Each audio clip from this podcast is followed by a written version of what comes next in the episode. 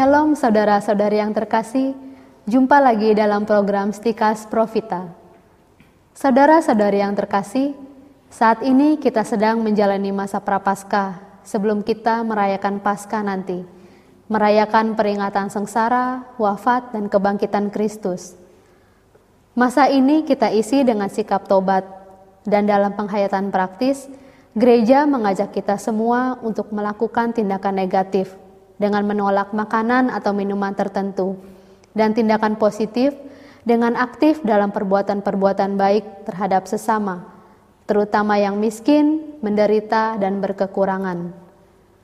Tindakan negatif karena ini adalah bentuk penyangkalan diri kita, seperti yang diminta dan dituntut oleh Yesus kepada kita sebagai murid-muridnya.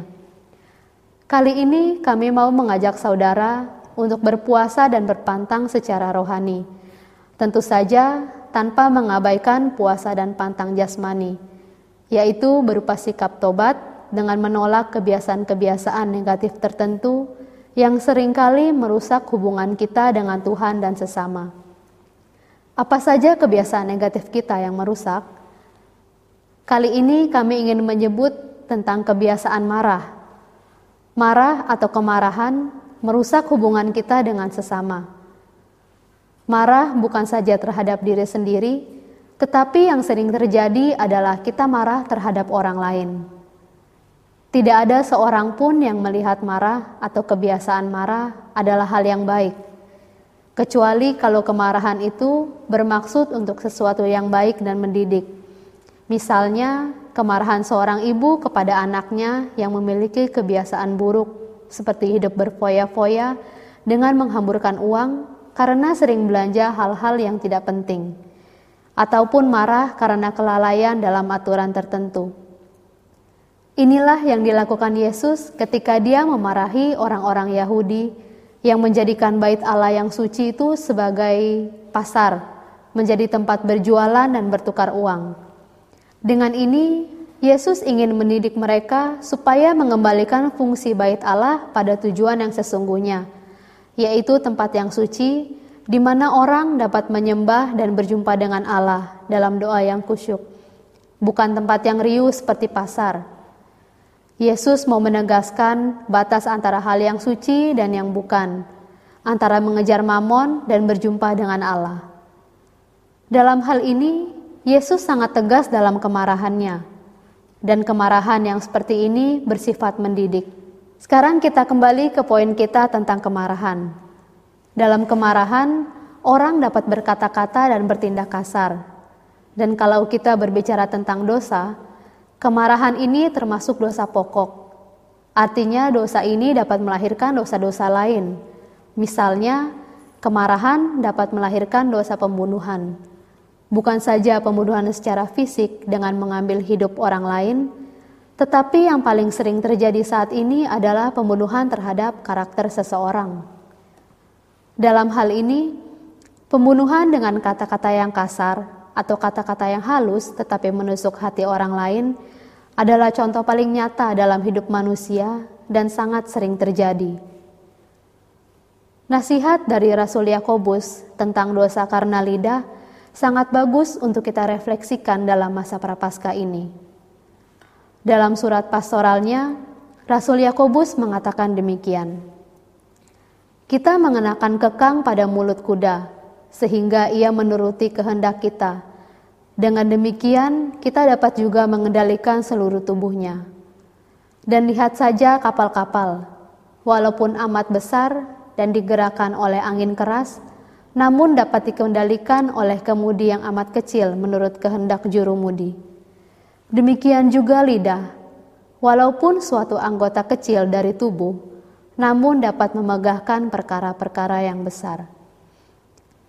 Tentu saja perkataan ini merupakan suatu simbol yang pertama-tama mau menunjukkan bahwa lidah manusia itu dapat memegahkan perkara-perkara besar, baik ataupun buruk tetapi manusia harus dapat mengendalikannya, seperti mengendalikan kuda dengan kekang ataupun kemudi sebuah kapal.